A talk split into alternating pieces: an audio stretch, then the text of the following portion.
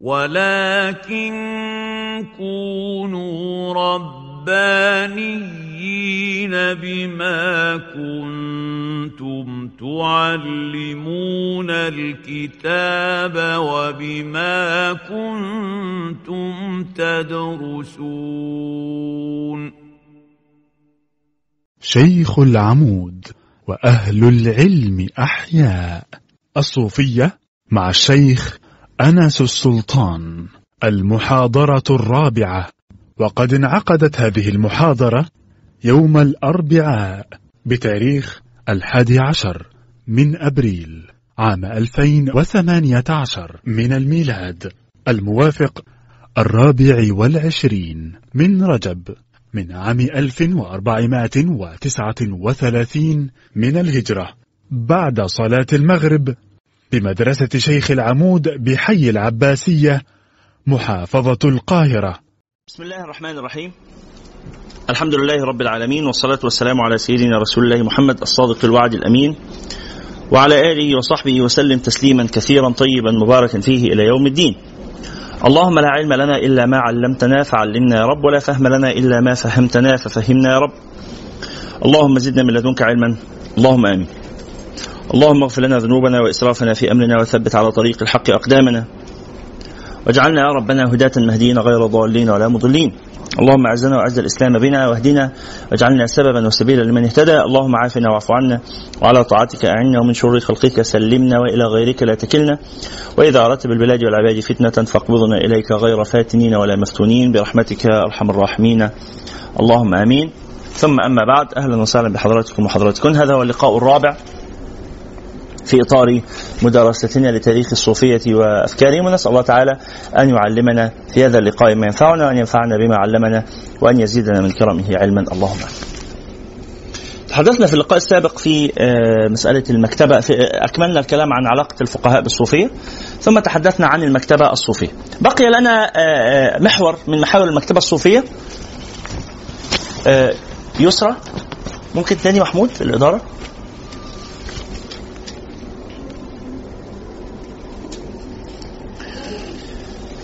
بقي لنا محور من محاور المكتبة الصوفية لم نتحدث عنه وأرجو أن تضيفوه عندكم. إحنا قلنا كم محور؟ قلنا خمس محاور هي؟ المعجم الصوفي و كتب الأدعية والآداب. لو سمحت شغل لنا الجهاز اللي ورا السماعة شغالة؟ طيب خلاص. شكرا جزيلا. وثالثا الفلسفة ورابعا التفسير الصوفي وخامسا كتب الطبقات. أضيف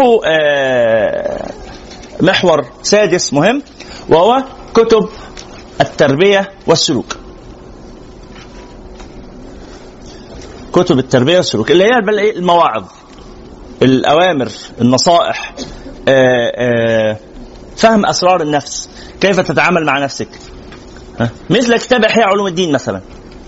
ومثل كتب الإمام الغزالي في التزكية أيها الولد وبداية الهداية وما إلى ذلك. ومثل الحكم العطائية وما إلى ذلك. فهذه هذا فرع من فروع المكتبة الصوفية. وفي الحقيقة هو الفرع نستطيع أن نقول الأهم لأنه هو ده اللي يعني ثمرة مباشرة كما يقولون أو منفعة. يعني هو هذا عندما تقرأه يعني تفعل شيء. هو يوجهك إلى نصائح. الآخر يتحدث عن أفكار مجردة أو ما إلى ذلك. طبعا وكلها مهمة. يعني المحاور الستة كلها مهمة.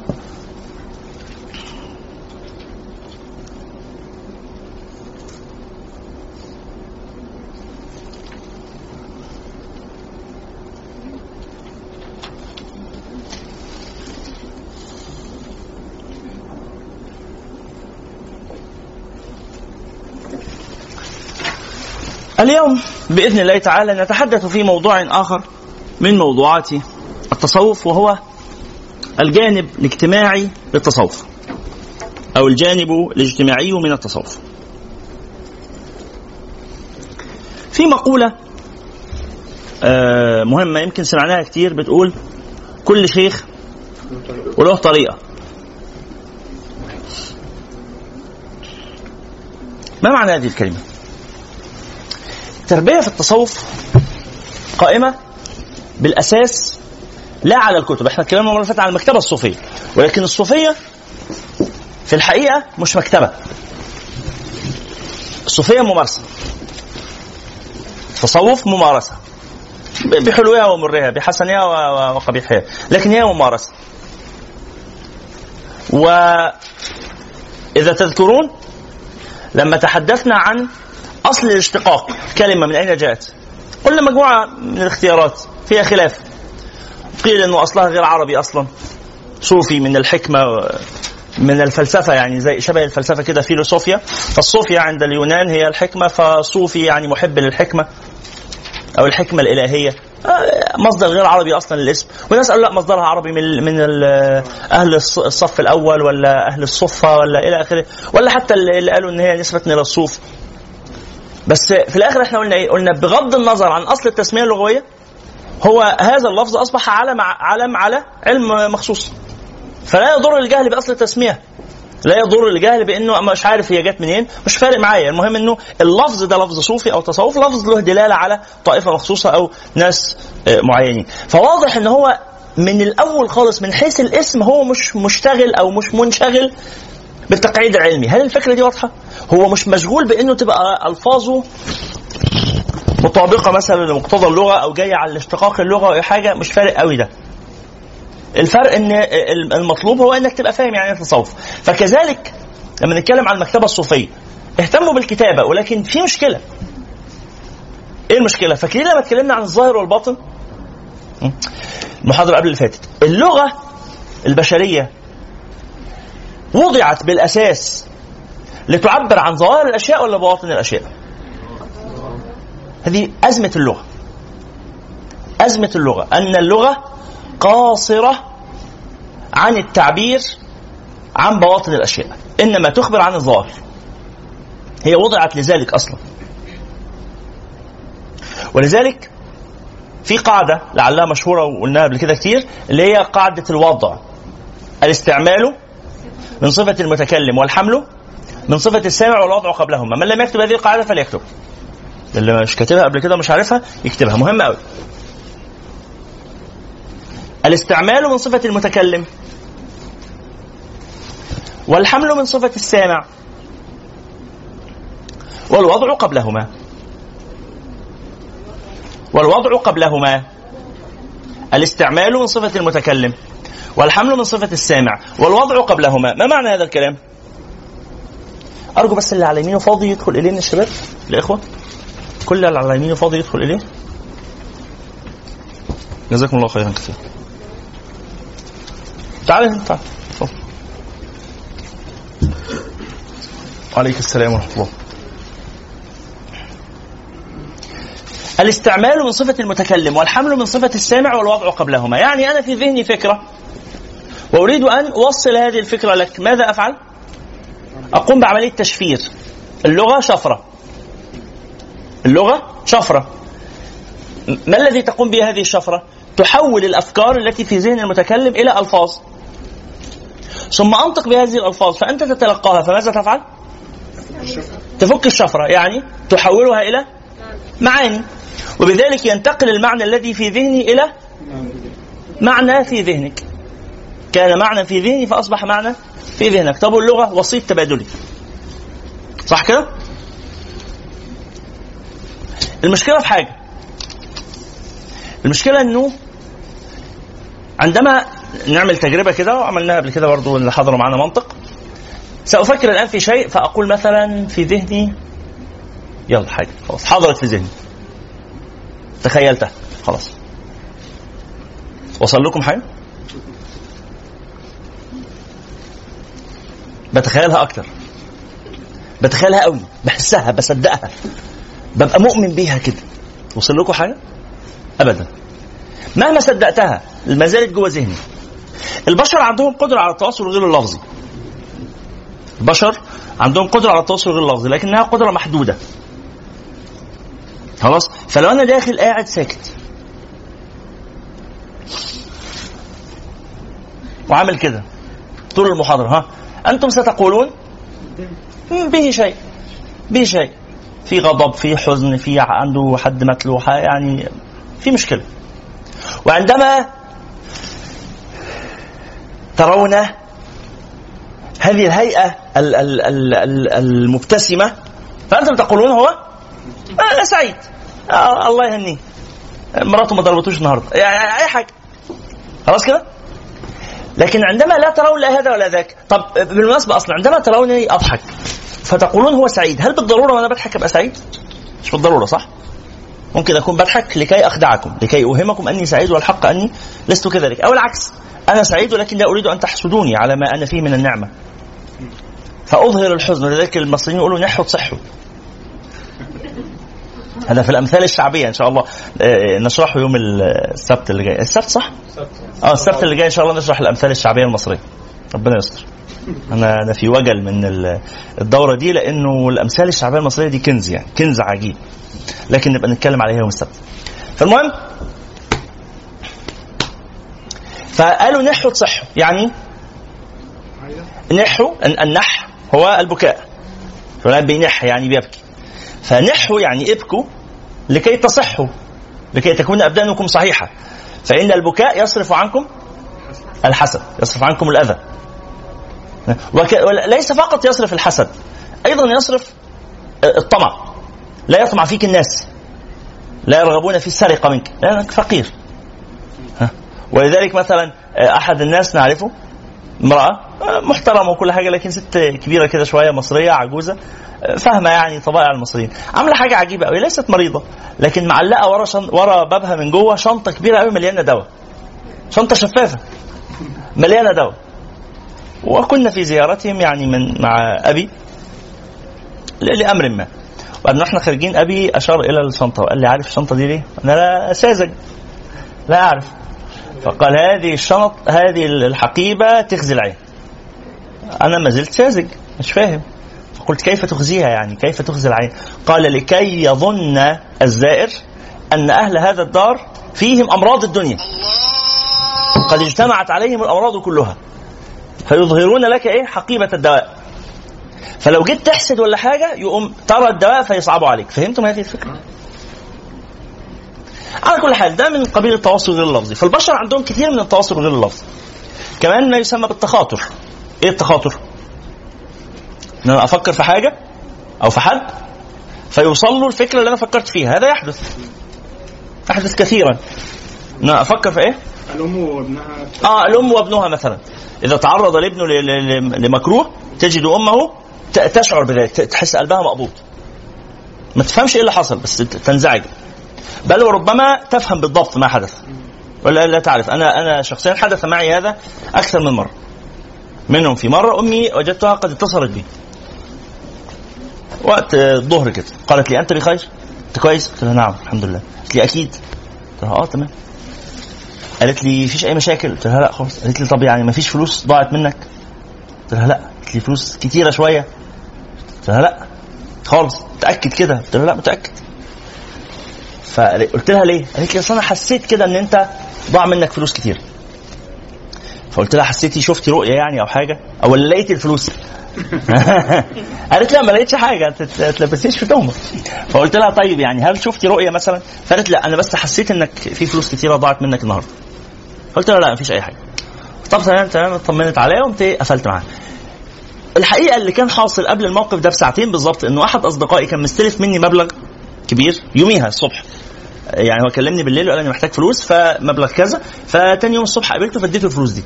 وأنا أعلم وأنا بديها له إنها مش راجعة. يعني هو صديقي ما بيننا عشم كبير إنه عادي لو خد مني فلوس ما بيرجعهاش وأنا لو خدت منه فلوس ما برجعهاش. يعني لما ظروفه تتعدل هو هينسى أصلا إنه كان مستلف مني. فهمت ولا فهذه فلوس في حكم الف- الفلوس المفقودة يعني هي لن تعود. ففعلا أنا كنت فقدت مبلغ من المال بس ما فقدتوش عن طريق السرقة ولا عن طريق الضياع لكن فقدته أنا بنفسي اخرجته وأنا أعلم أنه لن يعود فأنا فقدت مبلغا كبيرا من المال كيف علمت أمي أني فقدت هذا المبلغ واتصلت بي بعد ساعة أو ساعتين بالكثير وقالت لي أنت في فلوس ضاعت منك، كيف علمت بهذا؟ وصاحبي ما يعرفش أمي، يعني ما اتصلش بأمي وقال لها أنا خدت فلوس من أنس. كيف علمت بهذا؟ فهمتم هذه الفكرة؟ لا لا ندري كيف علمت بهذا. لا ندري ولكن هي تشعر. ليس لأنها من أولياء الله الصالحين وإن كنت يعني أعتقد فيها الولاية وهي امرأة صالحة وكل حاجة وزي أغلب أمهاتنا والحمد لله. لكن ليس لأجل هذا. علمت. إنما هذا يحدث حتى مع الكفار.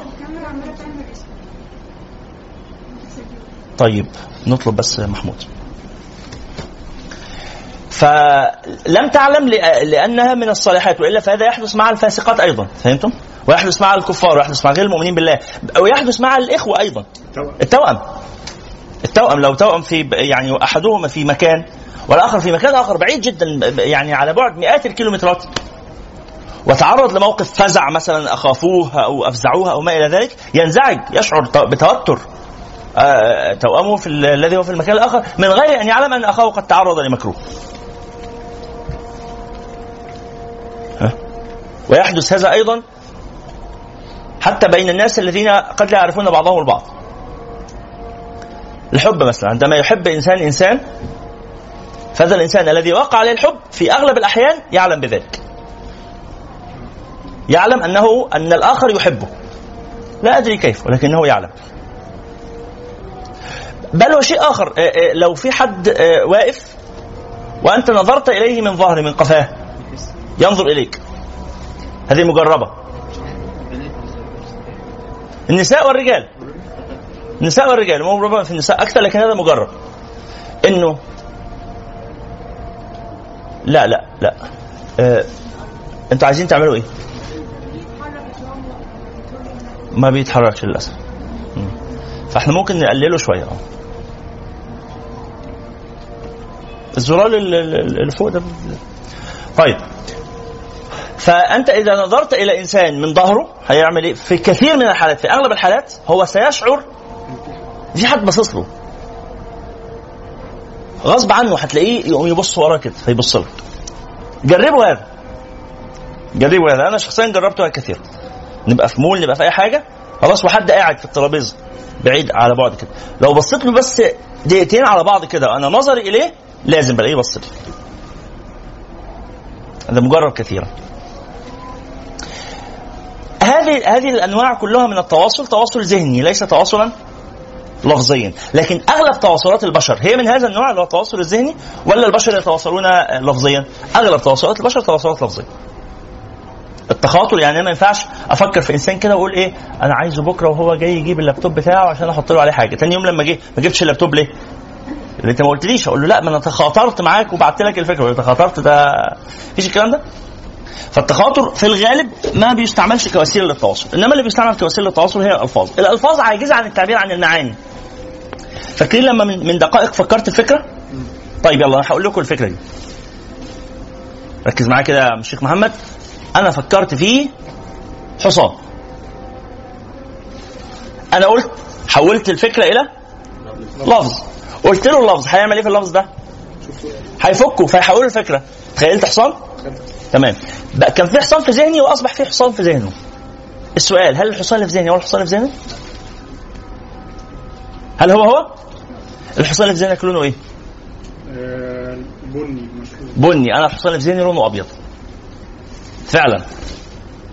وسبحان الله أغلب الناس لما بقول لهم حصان أنا بكون بفكر في حصان أبيض هم بيفكروا في حصان بني. طيب المكان اللي فيه الحصان طبيعته إيه؟ آه في جنينة. في جنينة. أنا أيضا تخيلته في جنينة الحقيقة. طيب آه الحصان ده آه مثلا آه راكب عليه حد ولا لأ؟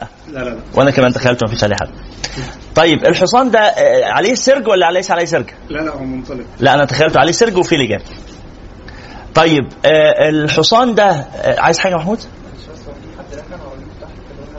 في حد راكن عربيته والعربية لونها نبيتي؟ حد راكن عربية نبيتي تحت؟ ما عندناش عربيات نبيتي. حتى كلمة نبيتي هذه التي قيلت عربيه نبيتي. كلمة نبيتي يعني فيها شوية درجات كده. ها لما قلنا عربيه نبيتي تتخيلها عربية نوعها إيه؟ دايو دايو نبيتي هل ممكن تبقى حاجة تانية؟ نيسان نبيتي أفيون بيتي حدش تخيل مرسيدس نبيتي ليه كده حدش. مرسيدس بيحضر معانا طيب ما حدش مثلا تخيل آه، عربية اللي هي المرتفعة دي جيب شوكي أو حاجة زي كده اختارتش في بالنا. ليه ليه أفكارنا كلنا فكرت في حاجات آه، قريبة من بعضها؟ بس على كل حال عشان اللون المنتشر في النوع ده من العربيات. في الغالب لو لو النوع مميز أو مختلف هو يعني آه، كان هيقول اسم العربية. لكن طالما ما قالش اسمها فيبقى هي من نوع من النوع الغالب استعماله بين الناس آه، أفيو أو غيره. طيب ماشي. إحنا كل عربياتنا أفيو فعلا. ف صلوا على النبي صلى الله عليه وسلم. إيه؟ يديمها نعمة. آه، ربنا يغنينا من فضله. طيب. الآن عندما قلت حصان فقد حصل في ذهني أخي محمد فكرة مقاربة للفكرة التي كانت في ذهني لكنها ليست مطابقة. ليست هي هي ولذلك قالوا القاعدة بتقول إيه بقى؟ هشام القاعدة اللي ملخصة للمسألة دي أو المشكلة دي. لا لا لا. دي القاعدة دي قلناها خلاص أنا عايز قاعدة قلناها في المنطق ما قلناش هنا ليه اللغة كوسيط تبادلي بتخلي بعض الشحنة يفقد؟ ليه هي وسيط تبادلي غير جيد؟ ليه الشفرة بتخلي المعا- المعاني كتير منها يفقد ما بتوصلش هي هي؟ لأن اللغة ذات دينا؟ دينا وهشام حد تاني منطق؟ حد تاني من زملاء المنطق؟ ما حدش. ل... آه الله يفتح جزاك الله خيرا كثيرا. لأن اللغة ذات نكتب كده. اللغة ذات طبيعة اختزالية. قاعدة لغوية. اللغة ذات طبيعة اختزالية. يعني إيه اللغة ذات طبيعة اختزالية؟ يعني الكلمات بطبيعة الحال. عارفين يا جماعة في الكمبيوتر؟ في الكمبيوتر. لما بعمل ضغط لملف مش الضغط ده بيؤدي كمان إلى إضعاف الجودة بتاعة الملف؟ يعني إذا صورة حجمها كبير قوي يبقى هي إيه؟ دقتها عالية. مش صح مش صح كده؟ لو فيديو إحنا كلنا مثلا بنتفرج على يوتيوب لما تعمل ال- ال- السرعة أو ال- ال- الجودة على 720 ما تشتغلش في مصر. ما تشتغلش في مصر. انت لازم في مصر تشغلها على 144 لو عليت على يعني 240 ده يبقى انت يعني إيه بقى خلاص. ماشي كده؟ ليه؟ لأن الجودة كل لما بتعلى بيحصل انه المساحة بتكبر. طب أنا لو عايز اضغط المساحة يبقى هذا سيؤدي أيضا إلى اضعاف الجودة. فانا لو ما قلت دلوقتي لأخي محمد حصان دي مساحة صغيرة ولا كبيرة؟ صغير. مس... كلمة حصان مساحة صغيرة. يبقى طالما إنها مساحة صغيرة يبقى الجودة هي كمان صغيرة. طب لو عايز أعلى بالجودة هقول له حصان أبيض في جنينة عليه سرج مربوط بحبل راكب عليه راجل بيجري عمال أزود كل ما أزود ألفاظ طبعا هو الألفاظ الكتيرة دي كلها هتوصل له بسهولة ولا هينساها؟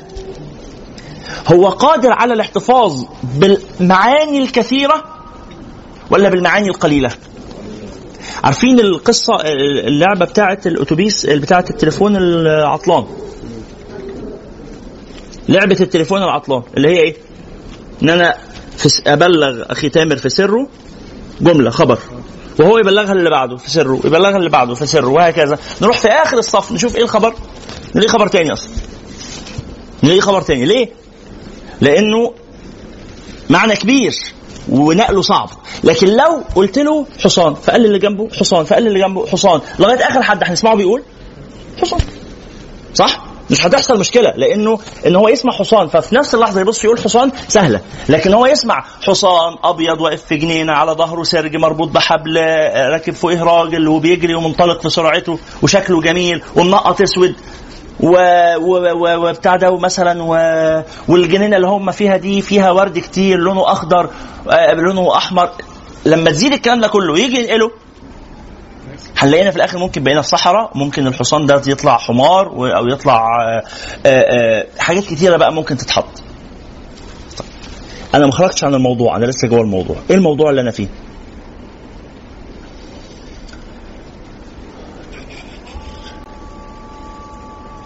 موضوع اللغة الصوفية. اللغة الصوفية لغة في كثير من الأحيان بتكون لغة مركبة ولغة عميقة وليها طبقات الكلام طبقات. وتتأملها تلاقي وراها كلام والكلام شكله ملخبط. لأن لأن اللغة وضعت للتعبير عن المعاني الظاهرة. ليه في مشكلة في اللغة الصوفية؟ لأن اللغة وضعت للتعبير عن المعاني الظاهرة. والتصوف منشغل بالمعاني الباطنة ولم توضع اللغة لذلك.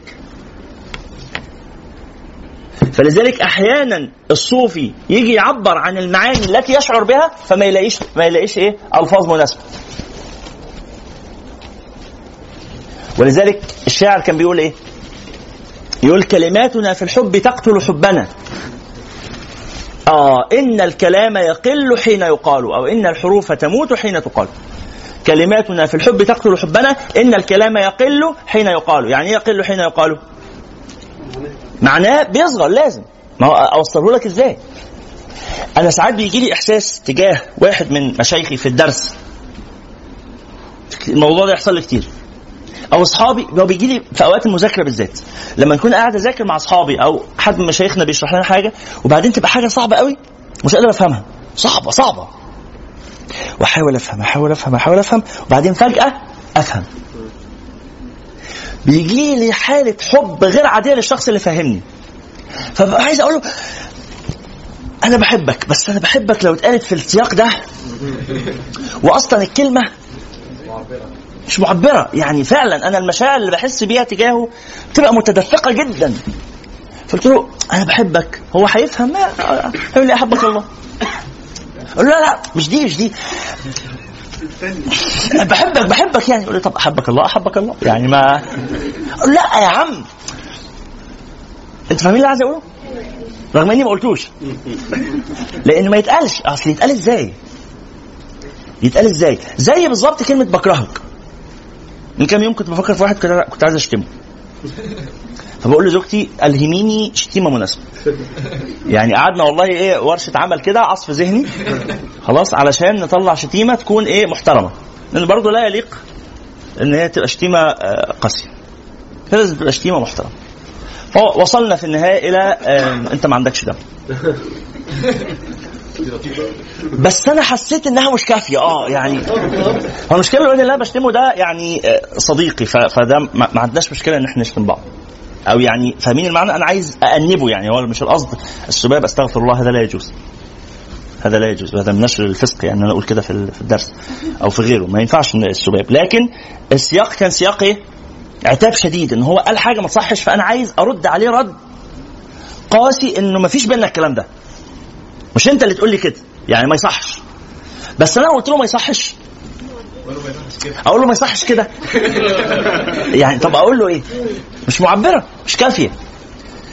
فقعدنا نفكر. طب أقول له انت ما عندكش دم؟ بس برضه مش كافية. طب اشتم؟ لا ما هو أكتر من اللازم. يعني هو ما يستاهلش الشتيمة. هو قال حاجة ما تستاهلش ان أنا اسب والعياذ بالله. ما قررتش أقطع علاقتي بيه يعني هو ما زال صديقي. أنت فاهمين الحالة اللي أنا فيها دي؟ فأنا ببحث عن لفظ يعبر عن المعنى الحاضر في نفسي ولا أجد. لأني أنا عايز أقسو عليه بس مستوى قسوة.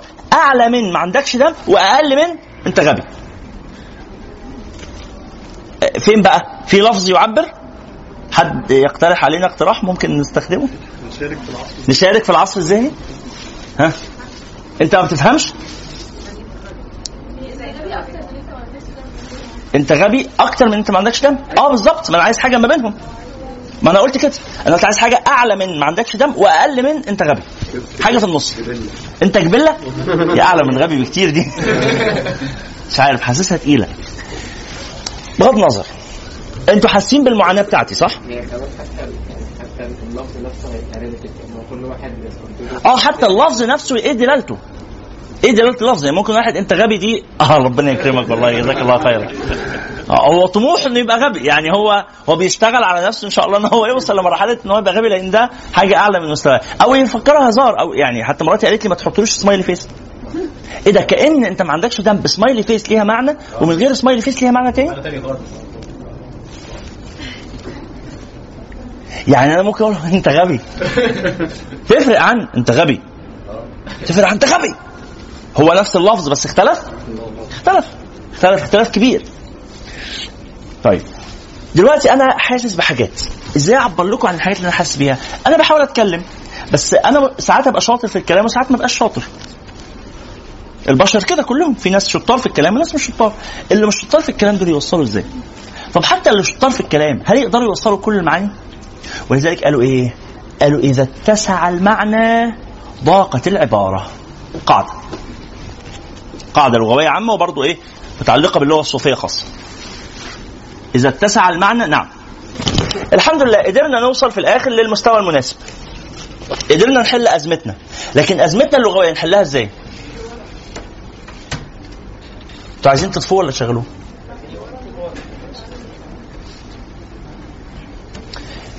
ها وصلت يا إخوانا المشكلة؟ فلذلك قالوا إيه؟ آخر حاجة قلناها؟ إذا اتسع المعنى ضاقت العبارة غالبا يعني مش دائما. غالبا كده. بيجي لكم ساعات إحساس إنك مش لاقي كلام تقوله. المعنى ضخم جدا لدرجة إن كل كلام الدنيا مش كفاية.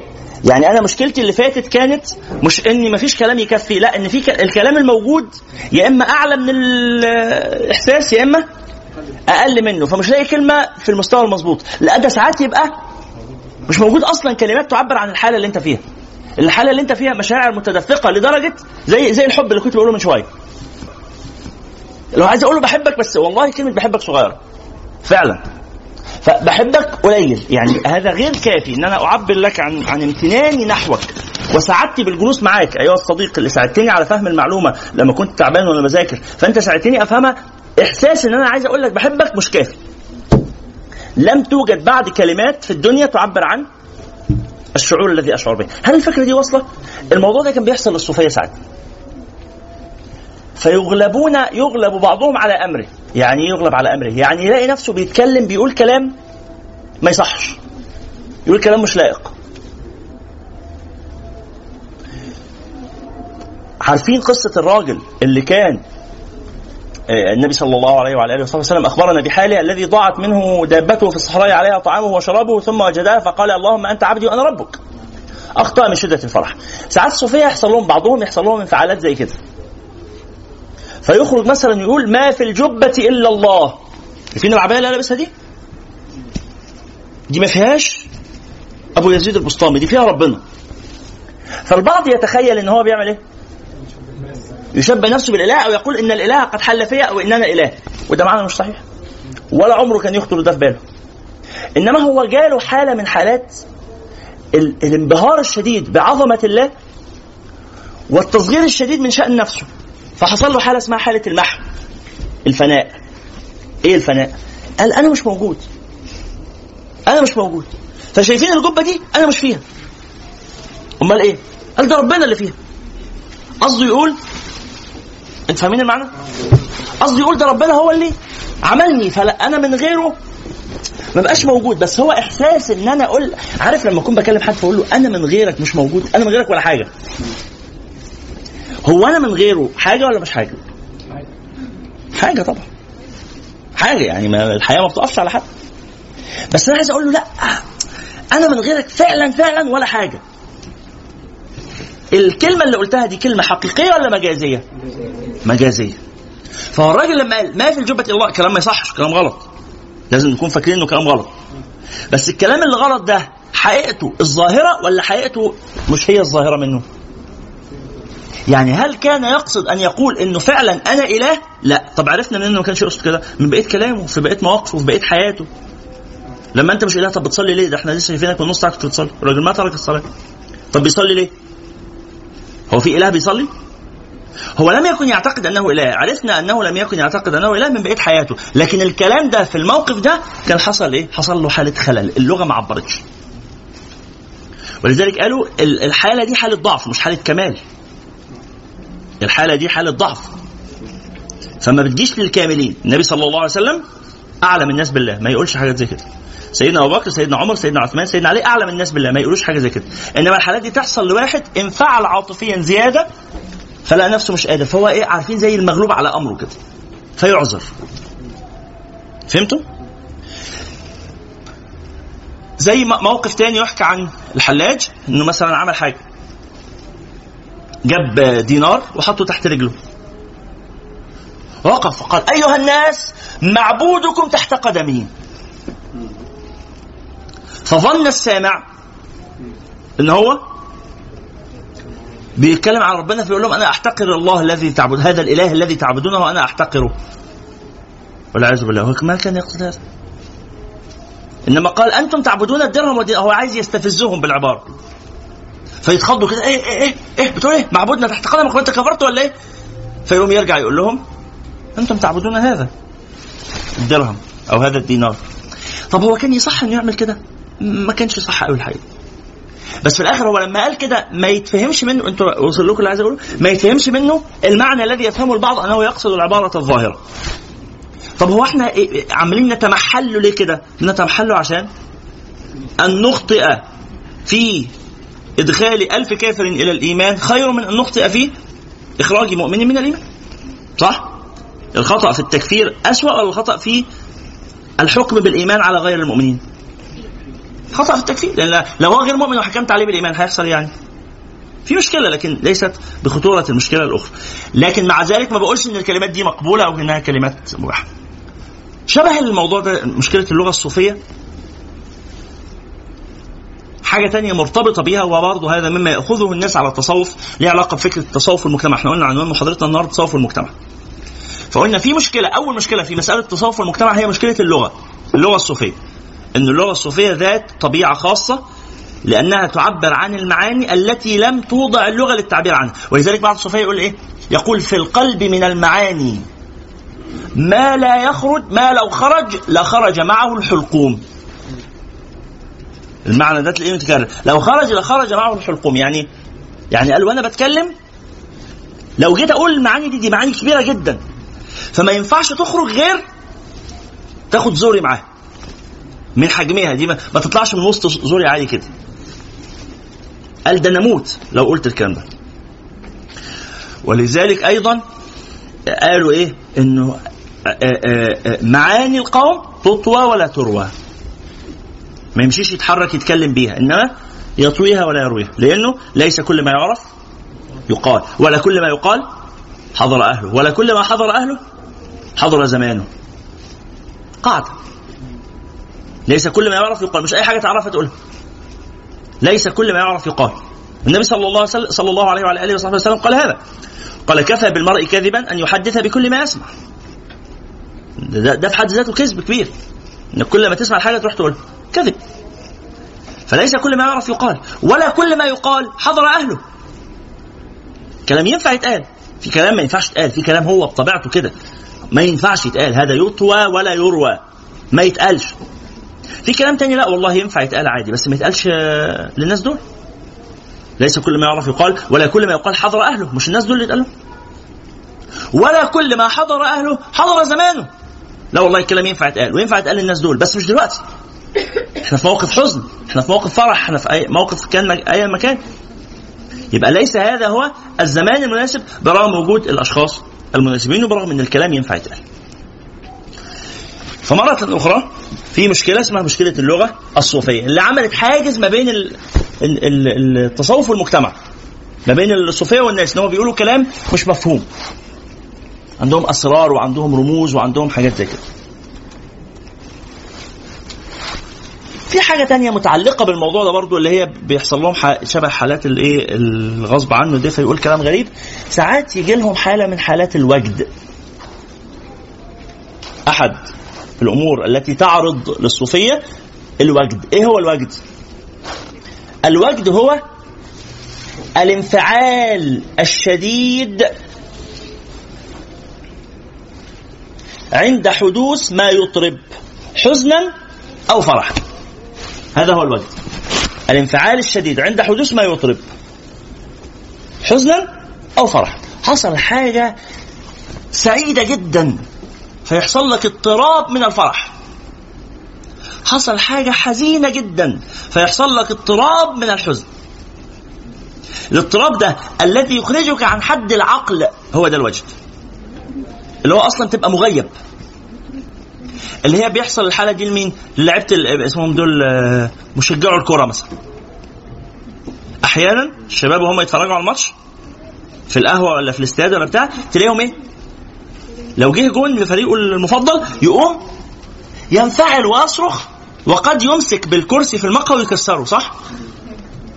وقد يخبط نفسه في الحيطة ودماغه تتعور ويجيبوا له دكتور. بيحصل الحاجات زي كده. قليلة بس بتحصل. وقد يقوم ياخد اللي جنبه بالحضن ويطلع اللي جنبه دي واحدة ست أصلا. بنت. مش بيحصل لهم حاجات زي كده؟ من غير ما يكونوا واخدين بالهم هم مش ساعات يبقوا بيستهبلوا. ويبقوا آثمين. وساعات يبقوا مغيبين ويبقوا آثمين برضه. بس مش آثمين على الحضن آثمين على إن هم أصلا رايحين يتفرجوا على الماتش وهم قاعدين جنب بعض وليسوا من المحارم والسياق على بعض سياق لهو يعني هذا لا يجوز. بس في الحالة دي لو هم مغيبين هل يبقوا آثمين بالحضن؟ أنت فاهمين اللي عايز أقوله؟ هو هو مجنون هو فقد عقله. لذلك ليس على الاعمى حرج ولا على ولا على ولا على المريض حرج هذا مريض. مرضه في عقله.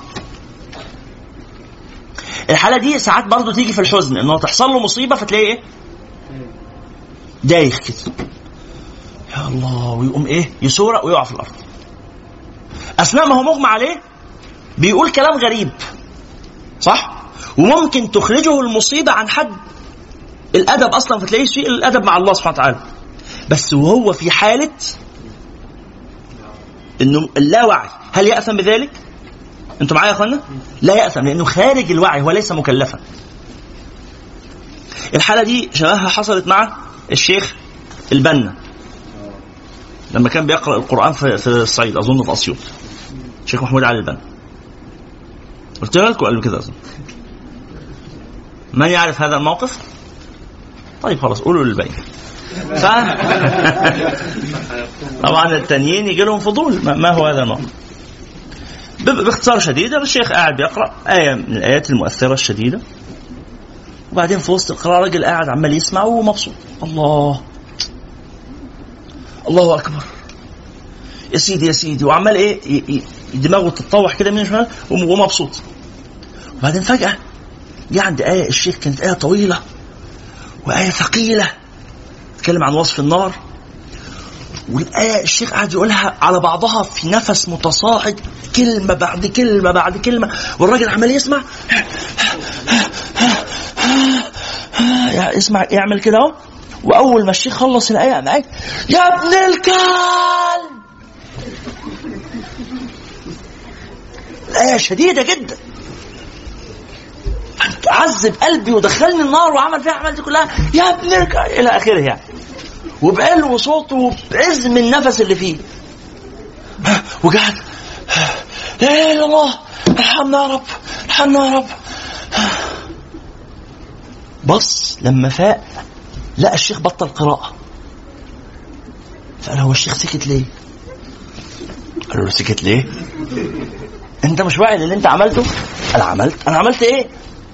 قال له ده انت قلت كذا كذا قام يجري طبعا واعتذر للشيخ وبس إيده وقال له حقك عليا يا مولانا والله ما أقصد وبتاع إلى آخره بس في الآخر الحالة اللي حصلت لهذا الإنسان طبعا الشيخ يعني عادي فوت الموضوع بس الحالة اللي حصلت لهذا الإنسان دي حالة من حالات الإيه؟ الوجد هل هل هو آثم؟ هو كده سب رجلا من أهل القرآن وسبه بأبيه هل يكون اثما؟ لا ليس اثما لماذا؟ لأنه مش فع... مش في وعيه ولأن اللفظ ده عند كثير من الصعايدة ليس من ألفاظ الإهانة أصلا إنما دي دي مشكلة ثانية دي مشكلة ثانية مش موضوع. في يعني أحيانا أحيانا يبقى من ألفاظ التعظيم. أحيانا. فيقول لك إيه؟ ده البتاع دي ده راجل ابن كلب ما شاء الله عليه والله قوي قوي مميز كده. طبعا يعني هذا غير مفهوم لنا نحن أهل القاهرة. لا إشكال. في واحد صديقي أبوه لما بيقول له يا رأفت بي... بي... بيقلق. في في مشكلة. يعني لما يقول له تعالى يا رأفت ليه؟ أنا ما اسميش رأفت. يعني من إمتى بقى اسمي رأفت؟ يعني باسمه الحقيقي. فيقلق. طبعا إيه؟ هو بيقول له الطبيعي يا حمار يا يهبل يا خد يدي عبيط أنت. يعني ونحو ذلك من ألفاظ التدليل وال والايه والود والمحبة. وهو دي حاجة عادية ومقبوله لما ي- لما يحبه زيادة مثلا يقول له يا ابن كذا. فده أبوه في الآخر يعني. ها؟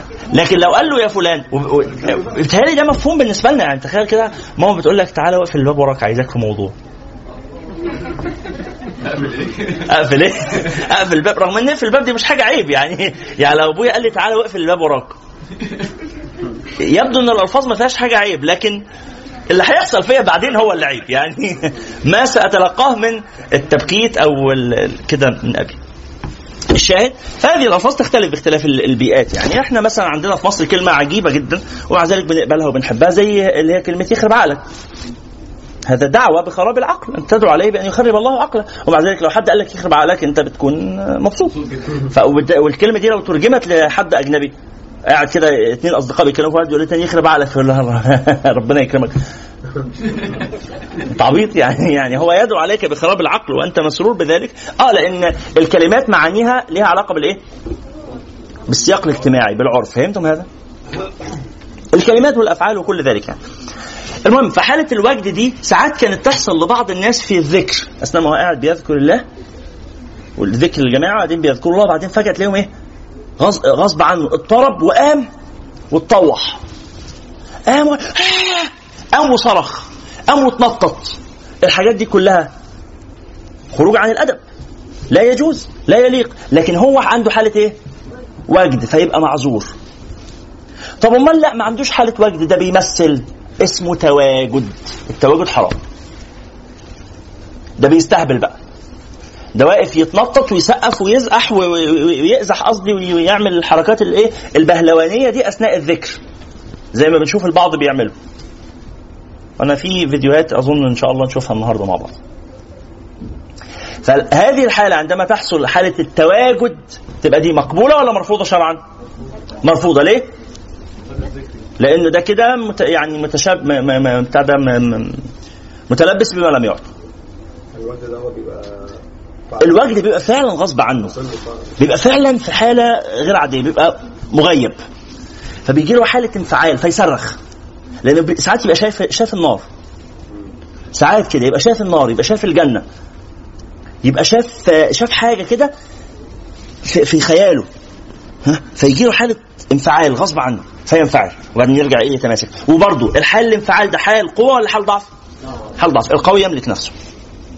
بس في واحد ضعيف غصب عنه فيعمل إيه؟ مبتلى معذور. فهذا يعذر. إن كان غصب عنه. لكن هو متعمد. يبقى متوا- متواجد يبقى آثم. لا البكاء حاجة تانية. فإن لم تبكوا فتباكوا دي حاجة تانية. طبعا لأن البكاء البكاء مش معناه آه، الخروج عن حد الأدب. الصراخ والتنطيط وبتاع هذا ليس بكاء. هذا ليس بكاء. هذا خروج عن حد الأدب. لا، لحظة بس معلش أنا عارف إن في أسئلة كتيرة في النقطة دي بس خليها شوية حقك عليا فصلوا على النبي صلى الله عليه وعلى آله وصحبه وسلم. يبقى في مشكلة في علاقة التصوف بالمجتمع في المساحات دي. بس على الناحية الثانية علاقة التصوف بالمجتمع الأغلب إنها كانت علاقة توجيه وإرشاد وقيادة اجتماعية. أغلب الصوفية كانوا قادة اجتماعيين. والمجتمع في أغلب فترات التاريخ الإسلامي كان ينقاد لأهل التصوف. ليه؟ لأن التصوف عبارة عن تربية. شيخ صوفي في البلد كل بلد فيها شيخ في زاوية في الجامع كده. الشيخ الصوفي ده في البلد اللي هو بيكون فيها هو بيكون قاضي البلد. وبيكون مفتي البلد. وبيكون مربي البلد. وبيكون مزوج لشباب البلد. وبيكون يعني في في سلسلة مثلا من المحاضرات اسمها سلسلة التربية في الإسلام للشيخ ياسين رشدي بيحكي فيها علاقته هو شخصيا بشيخه الصوفي. من أول ما راح للشيخ وهو عيل صغير وبدأ الشيخ يعلمه آداب الأكل وآداب الشرب. هو السلسله جميلة يعني هو حتى بيحكيها بطريقة آه، الغلام والشيخ ما بيقولش أنا ما بيحكيش عن نفسه بيحكيها كأنها حاجة خيالية. يقول وذهب الغلام إلى الشيخ وقال الشيخ للغلام وحاجات زي كده وبعدين لما كبر وقال الشيخ للفتى وقال الفتى للشيخ يعني لدرجة ان أو غصب عنه في مرة كده بيحكي قال وفي مرة الشيخ قال لي آه، أقصد قال للغلام وقام يكمل القصة. فهو بيحكي رحلته مع الشيخ من إمتى؟ من هو عيل في ابتدائي. وبعدين لما دخل ثانوي مرحلة المراهقة الشيخ هو بيقول له إزاي يتعامل مع المراهقة وبعدين لما دخل الجامعة وبعدين الجامعة فيها اختلاط فالشيخ بيقول له إزاي تتعامل مع البنات ال- زميلاتك اللي في الجامعة؟ وبعدين لما خلص الجامعة ودخل الجيش وبعدين لما جه يتجوز والشيخ قال له معايير اختيارك للفتاة اللي هتتجوزها وبعدين الشيخ جوزهم لبعض وبعدين الراجل خلف فالشيخ بيقول له إزاي تربي عيالك؟ وبعدين العيال دول دخلوا مدرسة فراحوا عند الشيخ فالشيخ استلمهم لأن هم في ابتدائي يعملوا إيه؟ فهمتوا الحالة؟ أجيال بتسلم أجيال. والشيخ بيتعامل مع هؤلاء انهم إيه؟ ابنائه جميعا كبارا وصغارا. وعلاقته بيهم علاقة الموجه والمربي والأب المشفق. شفقة حقيقية. وكل شيخ وليه طريقة. ففي شيخ طريقته في التربية الإرهاب. ال- الترهيب. التخويف. الزجر. في شيخ طريقته في التربية؟ يا أولاد الكلب هتدخلوا جهنم. ده بجد. طريقته كده. ليه؟ أهل البلد لسانهم كده وطريقتهم كده وأسلوبهم كده. فلو راحوا الشيخ بيكلمهم بأسلوب تاني بطريقة تانية بفكرة تانية قاعد بيضحك وهم قاعدين كده هم هيقولوا عليه إيه؟ أنا جاي عند جراداتي يعني. جاي أحضر مع. يعني جاي أحضر آه، فقرة الساحر يعني جاي اتفرج على حاجات تضحك. أنا جاي أسمع حاجات إيه؟ تخلع قلبي. فلازم يسمع. ده نار جهنم هتتشوي وهتتعذب وهتتبقى التعبان هيدخل في ودانك وهيطلع من صباع رجلك وهتتقطع خمسين ألف حتة بالسكاكين. وعظمك هيطحن لا لازم يسمع الكلام ده. فالكلام ده إيه؟ يؤثر فيه. يعني فعلا لما يرى نفسه في مشهد النار والسكينة سخنة وهتقطعه حتت وهتكوي جلده المعنى ده يزلزله. فيقوم يتقي الله. هو هو رايح للشيخ أصلا. هو ليه المريد ده ذهب إلى الشيخ ولا ليه العامي ده ذهب إلى الشيخ؟ هو عايز يتقي الله. هو عنده رغبة. عنده رغبة. زي هو مريد. يعني هو راغب. التلميذ اسمه مريد. راغب. هو عايز يبقى كويس. بس إن هو يبقى كويس مش هينفعه غير الأسلوب ده. في واحد تاني لا. هو عايز أسلوب إيه؟ آه الجنة. وفيها تفاح. وفيها موز. وتفاح أمريكاني. وفيها موز من المستورد الأندونيسي. وفيها فيها ستات هتتجوز. وفيها رجالة اللي ما اتجوزتيش هتتجوزي. وفيها عربيات. وفيها أنهار لبن وعسل. وخير. والخطاب ده في القرآن والأولاني كان في القرآن برضه. ولهم آه، لهم مقامع من حديد يعني آه، وصف النار في القرآن وصف الجنة في القرآن. فربما البعض يناسبه من الخطاب الآخر. ويبقى قاعد فرحان الله. يقوم لما يسعد جدا بسماع حال الجنة ينشط للعباد يقول أيوه بقى الواحد لا يفوت هذا الخير؟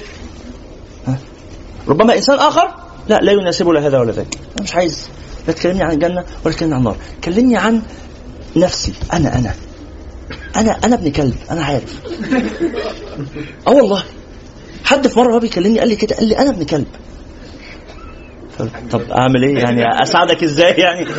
مشاكلك مع الحاج بقى يعني روح آه، خلصها في البيت. طبعا هو لا يقصد آه، سب أبيه. تعرفون إن هذا اللفظ ليس من باب سب الأب. فهو لا يقصد سب أبيه ولكن هو بيقول له بيقول لي أنا شخص يعني مليان بلاوي. أنا فعلي بعمل وبعمل وبعمل وبعمل وبعمل وبعمل. فده عايز, إيه بقى؟ رغبته إيه؟ مش رغبته انه أكلمه الجنة والنار. إنما رغبته أكلمه عن نفسه. كيف يصلح نفسه إزاي نفسك تضحك عليك؟ يهبل. يهبل يا عبيط يا اللي نفسك سحباك. تسيطر عليها إزاي؟ تتغلب عليها إزاي؟ في حاجة اسمها عيوب النفس. ان تعرف عيوب النفس وان تتخلص من عيوب النفس. فدي طريقة ثالثه في التربية. طريقة رابعة بالتربية اسمها التربية بالإيه؟ تربية بالصحبة. بص أنا كويس بس أنا لما بقى ببقى لوحدي ببقى ابن كلب بس أنا في وسط الناس ببقى إنسان كويس. حله إيه؟ تعالى في وسط الناس. ففي شيخ ما عندوش صحبة إنما هو الشيخ لوحده بيقعد مع الإيه؟ مع المريد أنا المريد ده الشيخ فالشيخ يقعد معايا لوحدي. فده لو راح له الإنسان ده هو مش عايز خطاب فردي فاهمين؟ هو عايز بيئة يعيش فيها. فيروح في زاوية الشيخ موجود في الصلاة الخمسة فيروح يقعد مع الشيخ في الصلاة الخمسة. يصلي في الجامع وبعد الصلاه يخرجوا يلعبوا كورة ويروحوا يشتغلوا ويخدموا أهل الحي وي... يكون في وسط البيئة الصالحة. وده حال أغلب الناس. فده شيخ بيربي بالإيه؟ والشيخ ما بيقولش حاجة، الشيخ قاعد معاهم طول النهار وما بيقولش حاجة، إنما بيعمل إيه؟ يدير بس أنشطتهم مع بعض، مش أنتوا قاعدين مع بعض يا أولاد تعالوا بقى اعمل هنا اعمل هنا بس. في طريقة تانية في التربية؟ لا لا مش بالكلام ده كله. إنما التربية بالخدمة. إيه التربية بالخدمة؟ تعالى. في ست عجوزة هنروح ننظف لها البيت. تعالى في أسقف. ناس هنعمل لهم نعمل لهم أسقف. تعالى هنمد وصلة مية. تعالى فيروح يبذل مجهود. بذل الجهد يطهر النفس. الشاعر بيقول إيه؟ النفس تطهر إن عودتها الجهد. النفس تطهر إن عودتها الجهد. المجهود البدني ينقي النفس يطهر النفس. ليه؟ لأنه لا يبقي لك بقية لذلك الناس نقول لهم إيه؟ اللي عايز شباب عايز أخلاقك تستقيم وتكون حالك أفضل روح تطوع في جمعية رسالة. تطوع في جمعية رسالة من الطرق الموصلة إلى تزكية نفس وإلى رضا الله سبحانه وتعالى. اشمعنى يعني يا جماعة رساله دي جاية في القرآن؟ لا مش جاية في القرآن. إنما بيئة نظيفة. بتروح تعمل إيه؟ تروح تبذل مجهود في القوافل الخارجية بتاعتهم دي تروح تبذل مجهود تعمل سقف. وتمد وصلة مية وتحفر في الأرض وتتشعلق وتعمل وفي الحر وتتعب وهدومك تترب وتتبهدل لما ترجع من اليوم ده مهدود أنت أصلا الشيطان ما يعرفش يلاقي معاك وقت إنه يوديك لحاجة حرام فهمتم؟ انت بتشتغل طول الأسبوع وبعدين إيه؟ يوم الأجازة بتاعك رايح جامعه رسالة تلاقي وقت منين؟ فده نوع من أنواع التربية اسمه التربية بال بالخدمة. والمشايخ في في نوع تاني من التربية اسمه التربية بالذكر. إيه التربية بالذكر؟ إنك الشيخ يلزمك لما تروح كده تشتغل معاه يلزمك بأوراد وأذكار يقول لك أنت في اليوم هتقول سبحان الله والحمد لله ولا إله إلا الله والله أكبر ولا حول ولا قوة إلا بالله مئة ألف مرة. إيه؟ مئة ألف مرة إزاي؟ يقول لك كتير تقول له آه ما أقدرش يقول لك طب خليهم 10000 بس عشان أنت لسه في الأول 10000 الصبح و10000 بالليل طب يا شيخ بس ده هياخد مني ثلاث ساعات أيوه إيه المشكلة يعني؟ ما تدي لربنا ثلاث ساعات. طب يا شيخ بس أنا مشغول. مشغول بإيه؟ يسألك يحقق معاك. مشغول بإيه؟ مشغول بالحلال ولا بالحرام؟ تقول له مشغول بفيسبوك. ها؟ يقول لك مفيش فيسبوك. يغير ال password. يجي لك البيت ويغير ال password بتاع الواي فاي يسحب منك التليفون. أنا بتكلم بجد؟ يقول لك مفيش حاجة اسمها فيسبوك. في حاجة اسمها 10000 مرة الصبح 10000 مرة بالليل. طب أنا مش عايز. ما شاء الله ما عوزت يلا غرفة 60 ده اللي بعده. هو هو هو أنت اللي رايح مريد ولا الشيخ هو اللي جايبك؟ هو أنت اللي رايح أنت مريد ولا ما مريدش؟ أنت اللي عايز ولا هو اللي بيتحايل عليك؟ فهمتوا المعنى؟ مش أنت اللي عايز تتربى؟ تسمع الكلام. ما أنا هربيك. هربيك. بالمعنى الحرفي هربيك طب لا أنا عايز أبقى براحتي. براحتك. مش حاجة اسمها هنا اسمها براحتك. يلا مع السلامة. اللي بعده. اللي بعده بمنتهى بيشوط برجله.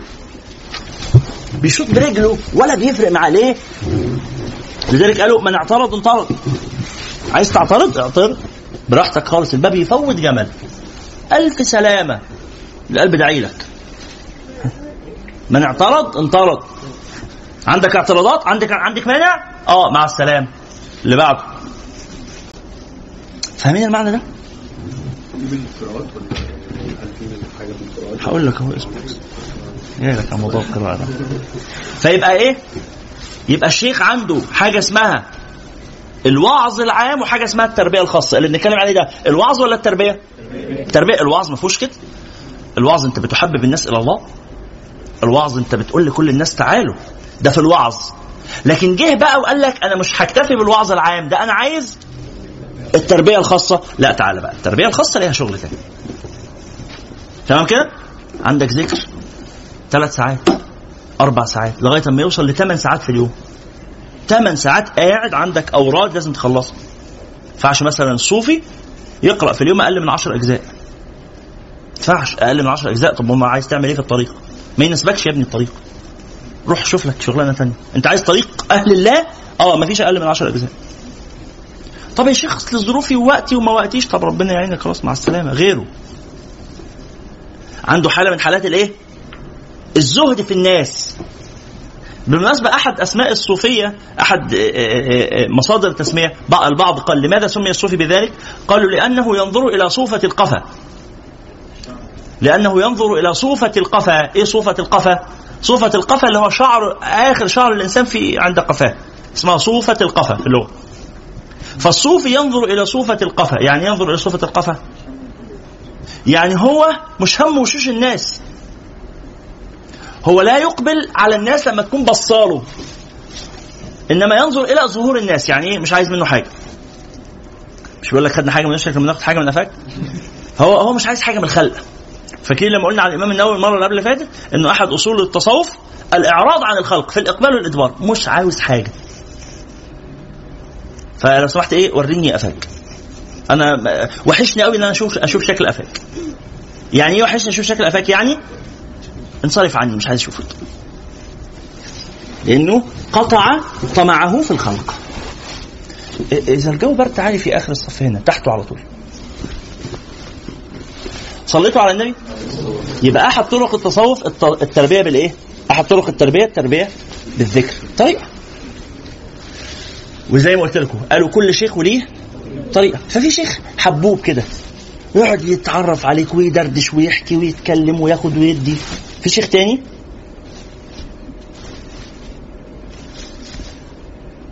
ممكن تقعد معاه ساعتين تحت سوق. ساعتين؟ قاعد ساكت. بيذاكر. يسيبك ويمشي. فانت تقوم تمشي وراه. وهو يفضل ساكت. ويفضل مكمل معاك لغاية أما خلص الوقت بتاعك تستأذن. فيشاور لك دماغه كده بس الساعتين اللي قعدتهم معاه دول تنتفع فيهما بخير عظيم. لم تكن لتنتفع به لو لم تجلس معه.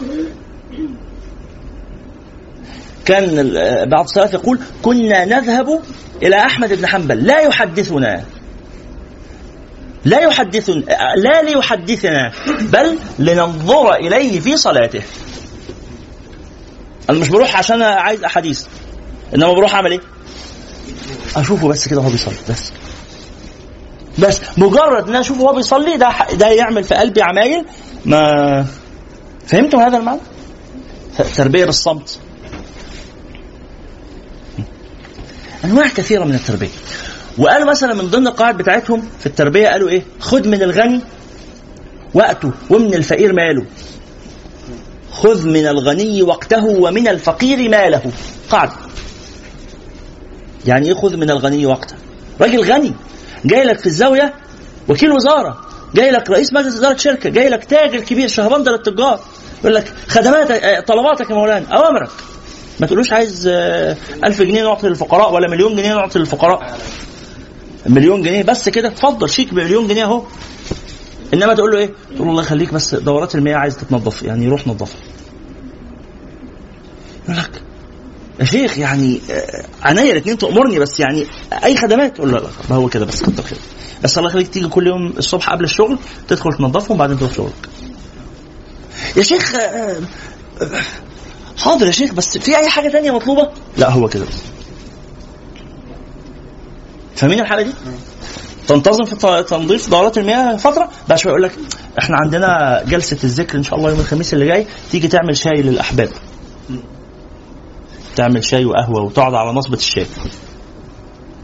تعمل شاي وتلف كده تشوف مين عايز شاي مين عايز سكر مين عايز إيه تخدم الناس.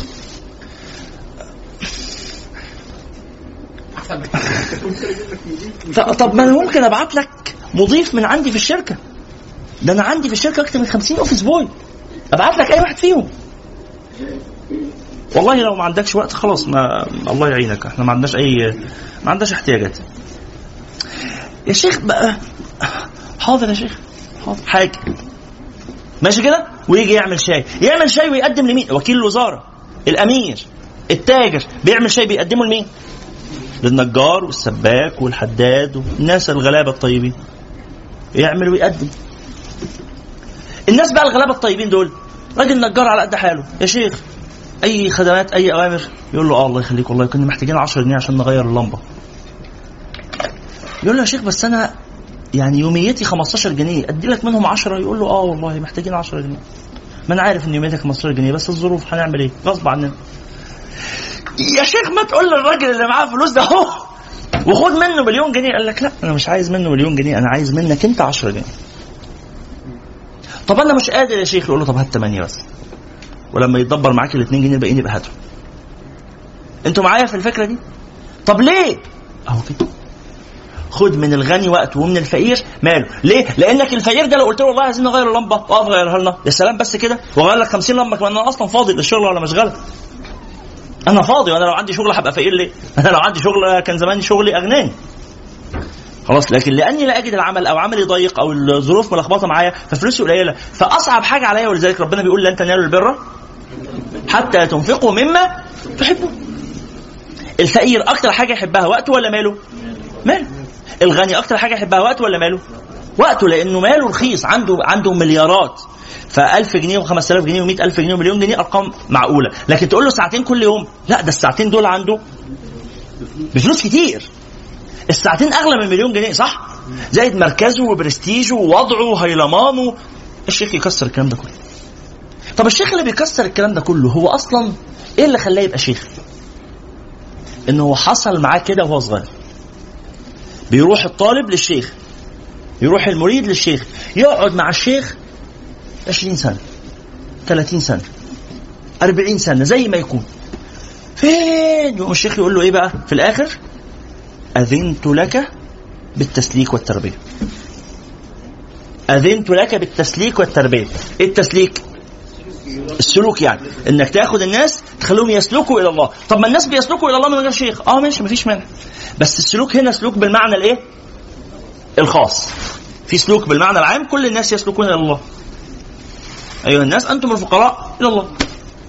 والله هو الغني الحميد. فكل الناس يسلكون إلى الله إن أرادوا. كل الناس يغدو. مش النبي قال كده؟ صلى الله عليه وعلى آله. صلوا عليه؟ صلى الله عليه وعلى آله وصحبه. قال كل الناس يغدو. كله بي كله بيروح السوق. يغدو يعني يذهب إلى السوق. الجميع يذهب إلى السوق. كل الناس يغدو. يتحرك في أول النهار. فبائع نفسه. كله بيبيع نفسه. كله بيبيع نفسه. بس الفكرة في إيه؟ ولذلك في دورة كنا نفكر نعملها اسمها لمن تبيع نفسك. تبيع نفسك لمين؟ في كتير قوي عارضين عليك يشتروا. فيسبوك طالب يشتري. يوتيوب طالب منك طالب إنه يشتري. آه مراتك طالبة تشتري. جوزك طالب يشتري. آه عيالك طالبين يشتروا. آه أبوك وأمك طالبين يشتروا. ناس كتير قوي طالبة تشتري.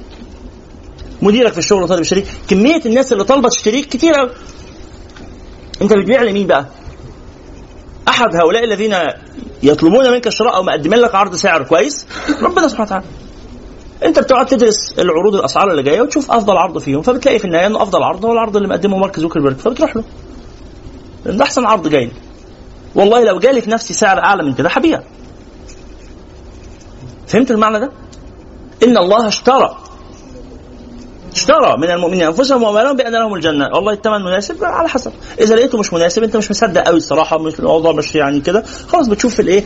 العروض الأخرى المقدمة لك وتقارن ما بينها وتشتغل. كل الناس يغدو. فبائع نفسه لازم هتبيع نفسك. فمعتقها ده اختيار أو موبقها ده اختيار تاني. يا تبيع نفسك وتبقى كسبان يا تبيع نفسك وتبقى خسران. بس في الحالتين بتبيع نفسك. لأنه عمرك عمال يتاخد منك بيخلص. أنت بتخلصه في إيه؟ فالشاهد.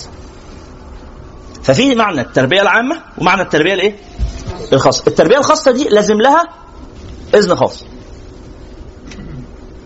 لازم لها إذن خاص. العلاقة في النهاية بقى ما بين المريد والشيخ في الحالة دي زي ما زي ما أنا حكيتها لكم دلوقتي كده. شايفينها علاقه عاملة إزاي؟ قوية ولا ضعيفة؟ علاقه في غاية القوة. في غاية القوة وبتوصل في مرحله في مرحلة من المراحل مع التطور مسألة وقت. توصل في مرحلة أنت بتحكي للشيخ كل حاجة. على حسب برضه طريقة الشيخ. في شيخ ما بيسمعش. دي طريقته في التربية. اللي هي إيه؟ الصمت فلا عايز يسمع ولا عايز يقول لك. أنت بتمشي معاه بس. تروح له كل يوم تقعد معاه من المغرب للعشاء. بس تفضل قاعد. جنبه النظام كده. يوميا أنت معاه. في شيخ تاني بيتكلم. فالشيخ اللي لو كان بيتكلم وبيسمعك وفي إيه حال خاص بينك وبينه ده بيعرف عنك حاجات كتير قوي أنت بتحكي له. صح؟ وبعد شوية أصلا بيحصل رؤى ومنامات أنت بتشوفه في الرؤيا وبيحصل ارتباط عاطفي. فاكرين اللي أنا قلته عن أمي من شوية؟ ها في بداية اللقاء؟ شبهه كده بيحصل مع مع الشيخ. وأكثر منه كمان. حاضر لحظة. وأكثر منه. والشيخ يشعر بك من غير أن تأتي. وسيدنا عمر بن الخطاب يقول إيه؟ والله إني لأرى الشاب فأرى المعصية في وجهه. قد فعلها البارحة لم يعلم به أحد. أنا شايف عينه فيها معصية. شفتها؟ كيف رأى؟ قال اتقوا فراسه المؤمن فإنه يرى بنور الله. فبيحصل ارتباط. وساعات الشيخ هو اللي يختارك قبل ما تروح له. زي الشيخ الشعراوي. الشيخ الشعراوي شيخه اختاره. شيخه بعت له رسالة. هو الشيخ الشعراوي نفسه يحكي القصة دي. هو كان في مسألة علمية شغلاه صعبة شوية وبيحاول يلاقي حل مش لاقي يدور يمين شمال مش لاقي. وبعدين في يوم نايم في الرؤيا شاف شيخ كبير لحيته بيضاء كبيرة وراجل مهيب جليل القدر. فقابله في الرؤيا فقال له إيه؟ حل المسألة. الشيخ شعراوي في الرؤيا ما يعرفش مين ده. فقال له حل المسألة وقال له تفتح كتاب كذا وحل الموضوع كذا وشرح له الإيه؟ المسألة العلمية شرح دقيق. صح الشيخ من الرؤيا فتح الكتاب بص لا فعلا الكلام مظبوط. قعد يفكر طب مين ده, اللي أنا شفته في الرؤيا؟ قال لعله ملك. إكرام من الله سبحانه وتعالى. أنا لا استحقه لكن يعني كرم الله واسع. وبقي على هذا الحال خلاص يعني نسي القصة وخلاص كمل حياته. بعد الموقف ده بعشر سنين كان في الجزائر. وسمع عن شيخ كبير في الجزائر في الجزائر اسمه الشيخ محمد بالقايد محمد بالقايد أو بالقائد فقال أروح أزوره وأتعرف عليه ويعني دايما كده أهل الله لما يروحوا إيه بلد جديدة يكونوا مهتمين بالتعرف إلى أعيان هذه البلد وكبار هذه البلد. فانا أتعرف عليه.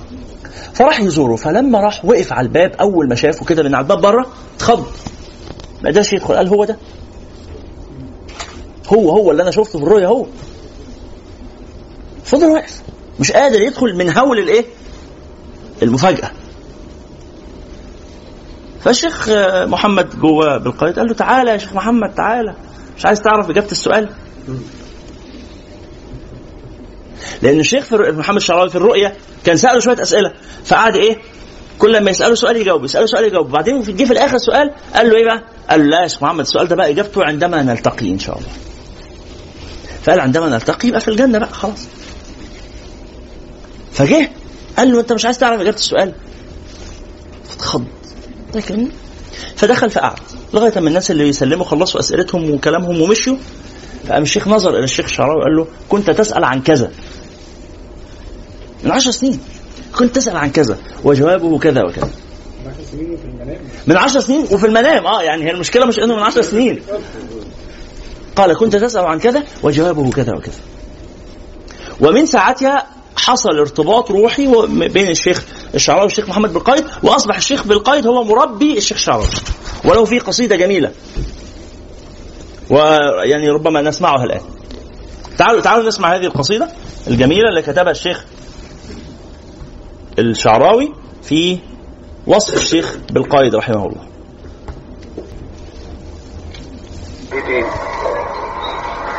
طوفت في شرق البلاد وغربها وبحثت جهدي عن إمام رائد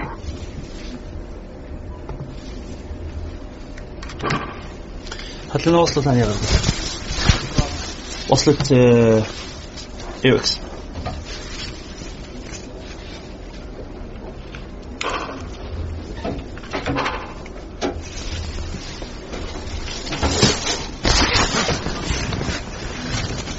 محمود لو سمحت في وصلة ثانية ايو إكس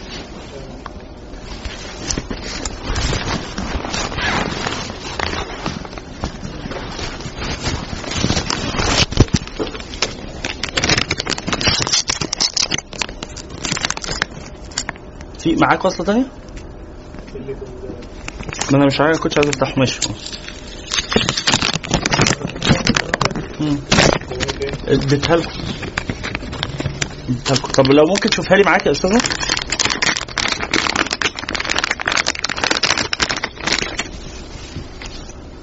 لك واحدا للواحد. شاهد رسول الله. شاهد رسول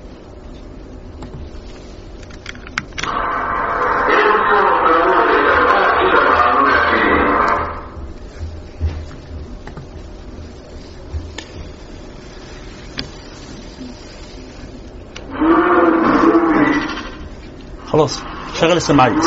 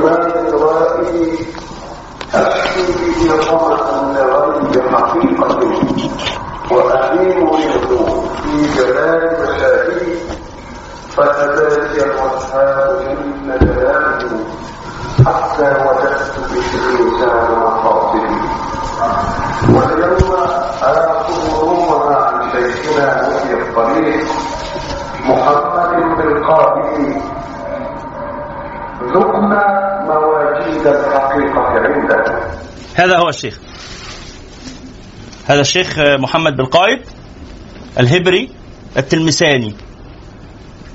تلمساني اسم البلد. وهذا الشيخ الشعراوي بين يديه.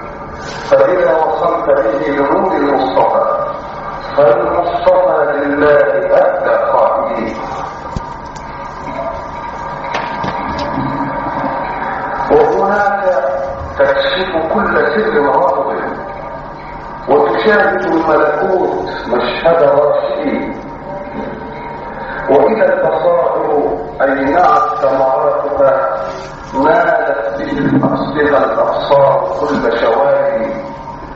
لا تلقي بال للعدول فإنه لا رأي قط. لفاقد في واديه لو ذاق كان لج بجاهلي سر في طريقك. سر في طريقك. يا مريد ولا تعد أذنا لصيحة منكر ومعادي لا يستوي عند العقول. مجاهد في الله قوام الدجى في قائل الله قل بجمع قيام فاتح خي على تجارة رابح واترك لحزبهم تجارة كاتب والله قصدك والرسول وسيلته وخطاك خلف محمد بالقائد يا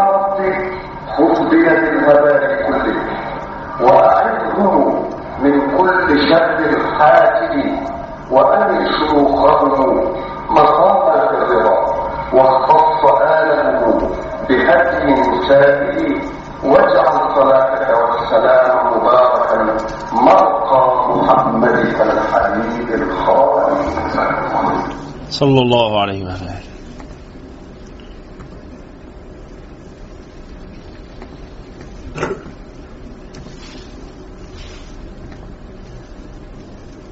هذه رسالة الشيخ الشعراوي. هذه رسالة من الشيخ الشعراوي إلى شيخه الشيخ بالقائد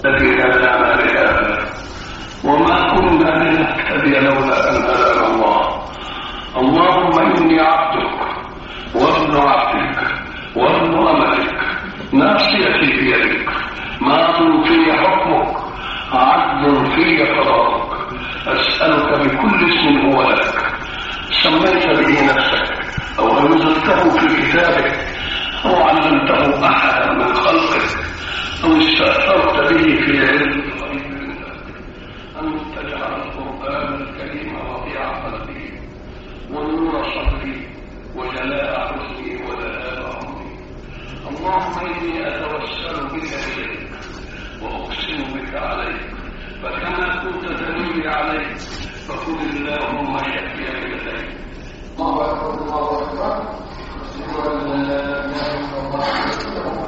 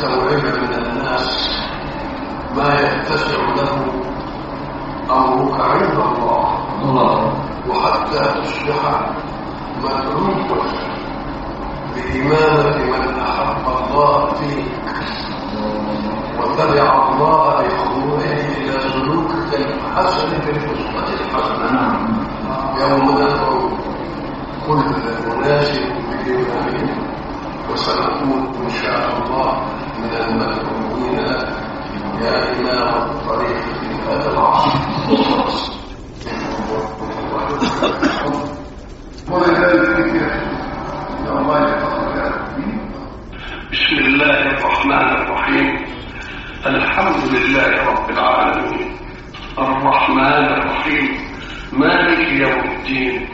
إياك نعبد وإياك نستعين. اهدنا الصراط المستقيم.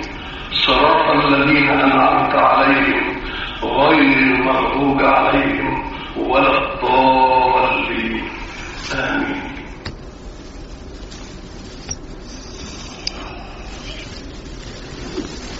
طبعا الإشارة الجميلة إلى قول الله سبحانه وتعالى يوم ندعو كل أناس بإمامهم هذه الآية يحضر فيها ما قلناه في اللقاء السابق من اطفي النور الثانية بس يحضر فيها ما قلناه في اللقاء السابق من التفسير الإشاري. طبعا التفسير الظاهر للآية ندعو كل أناس بإمامهم يعني بما يعبدونه.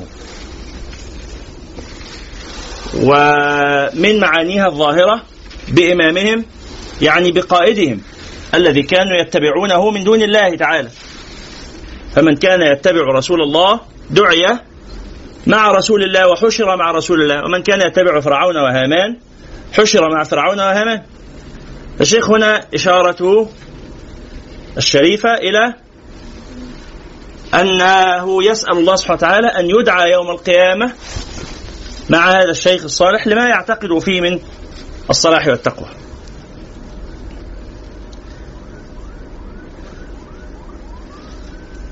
لو شئتم اسمعوا هذا التسجيل أيضا.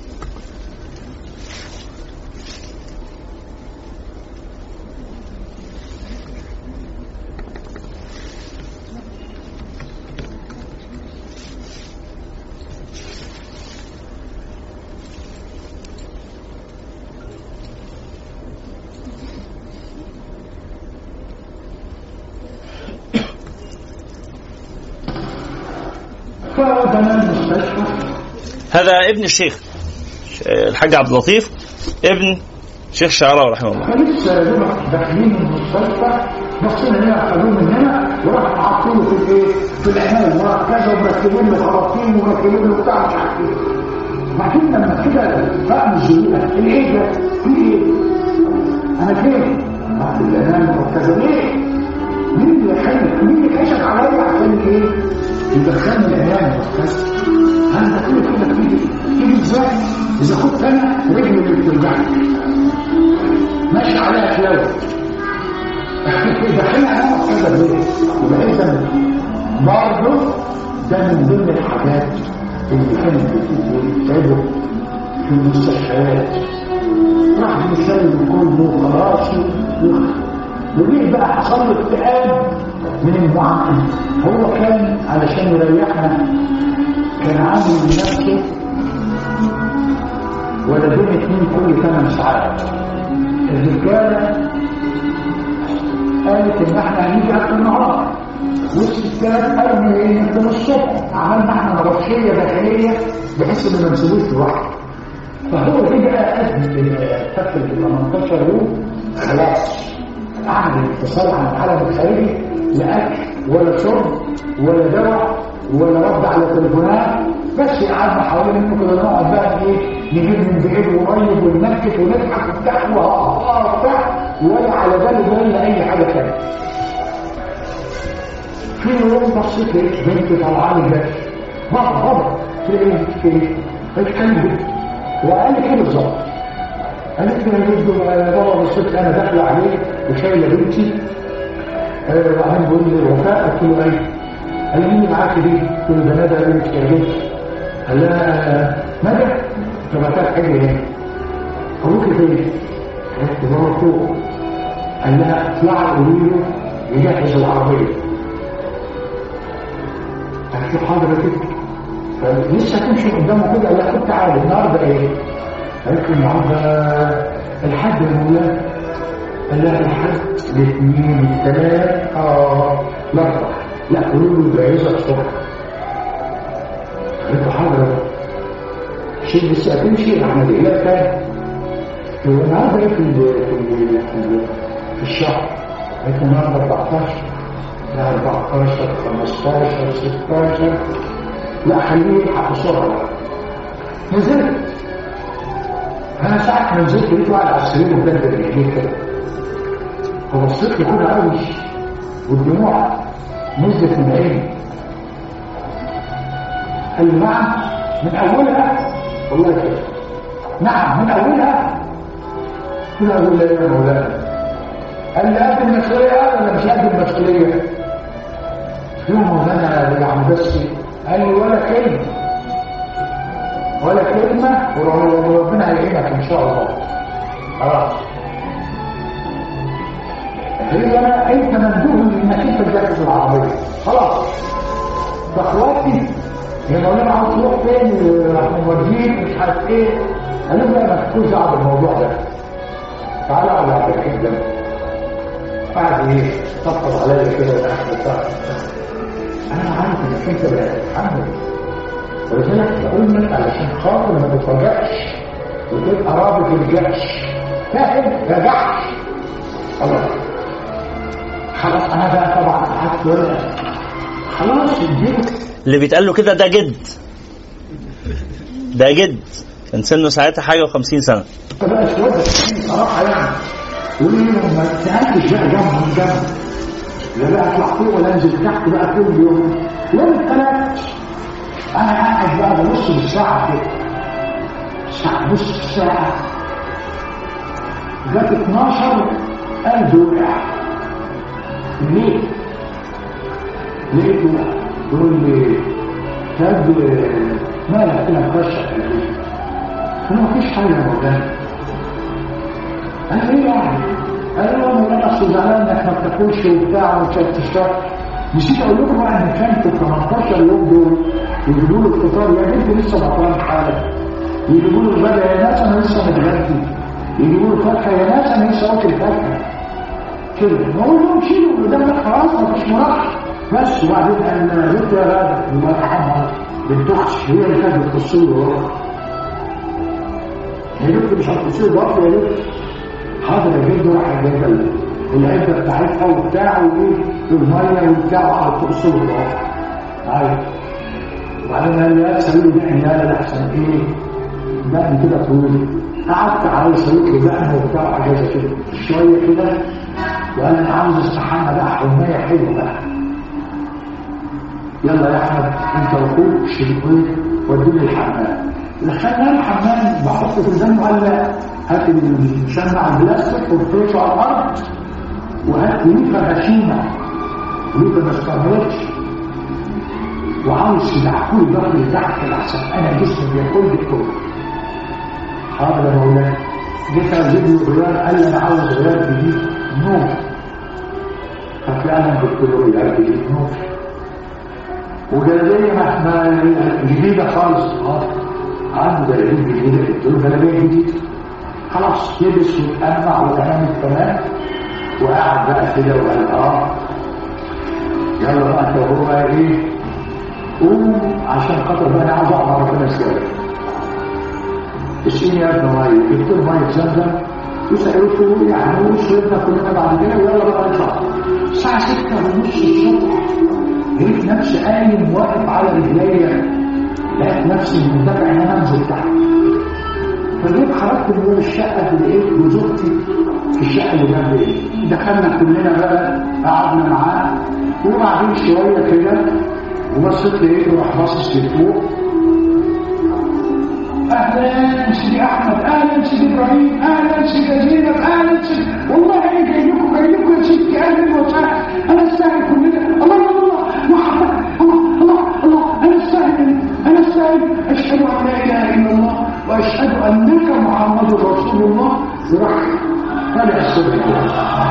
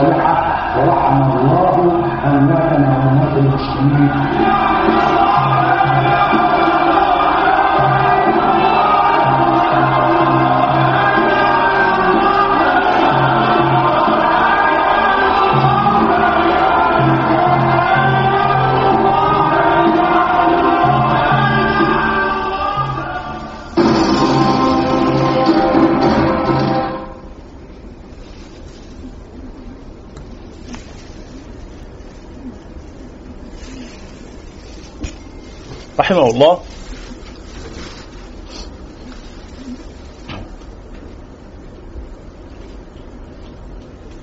ورضي عنه.